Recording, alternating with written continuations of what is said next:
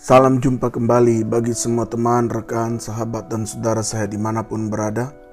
Kesempatan kali ini saya mengajak kita bersama merenungkan tema Rawatlah pohon, hutan, tanah, dan marga satwa. Hari itu Senin 17 Oktober pukul 09.05.2016 Matahari belum menampakkan teriknya, suasana jalan raya yang cukup sejuk diiringi dengan kesibukan warga masyarakat yang sedang mempersiapkan diri pergi ke tempat kerja dan juga ke sawah dan ladang. Perjalanan yang lengah dari Tasikmalaya menuju Jakarta.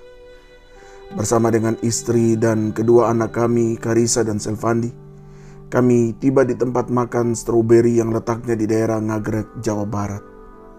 Sungguh suatu suasana yang begitu indah, sejuk, dan sangat menyenangkan. Kami memilih tempat makan di sebuah pondokan yang berukuran 5 kali 4,5 meter. Letaknya persis di barisan depan pondokan yang dapat memudahkan kami memandang ke lembah dan gunung. Memang demikianlah penataan tempat makan di rumah makan stroberi ini.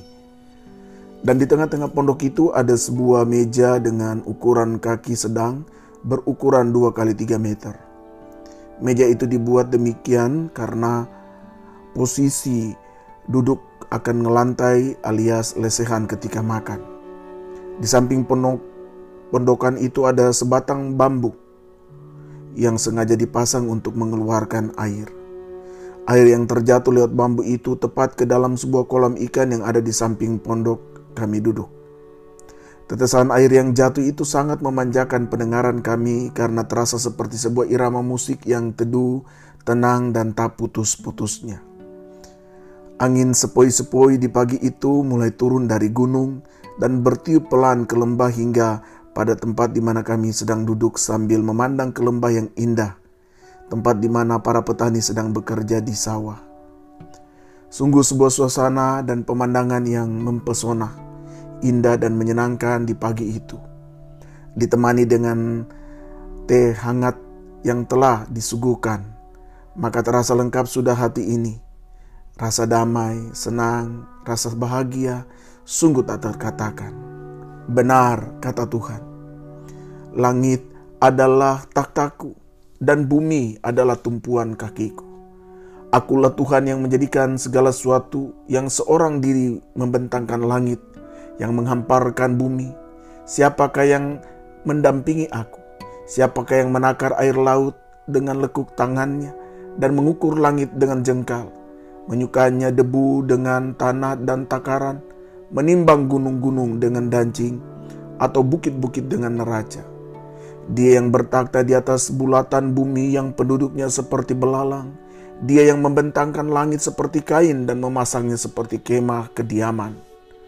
Yesaya 44 ayat 24b, Yesaya 40 ayat 12 dan 22. Benar bahwa langit dan bumi serta alam ini adalah karya Allah yang agung. Allah yang mendadani semuanya itu dan berkata, semua itu baik. Jiwa seni dan indah adalah milik Allah yang telah diekspresikannya melalui karyanya pada alam yang indah ini. Kekayaan pada alam itu dengan segala hayat hidupnya serta kemanfaatannya bagi manusia telah disediakannya sedemikian rupa hingga kita hanya mengelola dan menikmatinya. Karena itu, marilah jagalah dan rawatlah alam semesta dengan baik. Janganlah merusak alam karya Allah itu hanya karena ingin memenuhi hasrat ketamakanmu dan keegoisanmu Jagalah dan rawatlah alam dengan baik, maka engkau pun sedang merawat kehidupanmu yang Allah anugerahkan. Merusak alam, maka engkau pun sedang merusak kehidupanmu sendiri. Teruslah merawat pohon, hutan, tanah, dan seluruh marga satwa yang dititipkan Tuhan. Tuhan pasti memberkatimu. Bangsa yang merusak alam titipan Tuhan adalah bangsa yang sedang menuju kehancuran dan tidak menghormati Tuhan pemberi alam semesta ini. Karena itu bagi semua kita jemaat di mana pun berada, rawatlah lingkungan di mana engkau hadir. Rawatlah kebersihan, jagalah kenyamanan, ketenangan, keindahan. sehingga alam yang engkau dan saya rawat akan menjadi berkat bagi kita semua dan Tuhan pasti dimuliakan. Haleluya. Amin.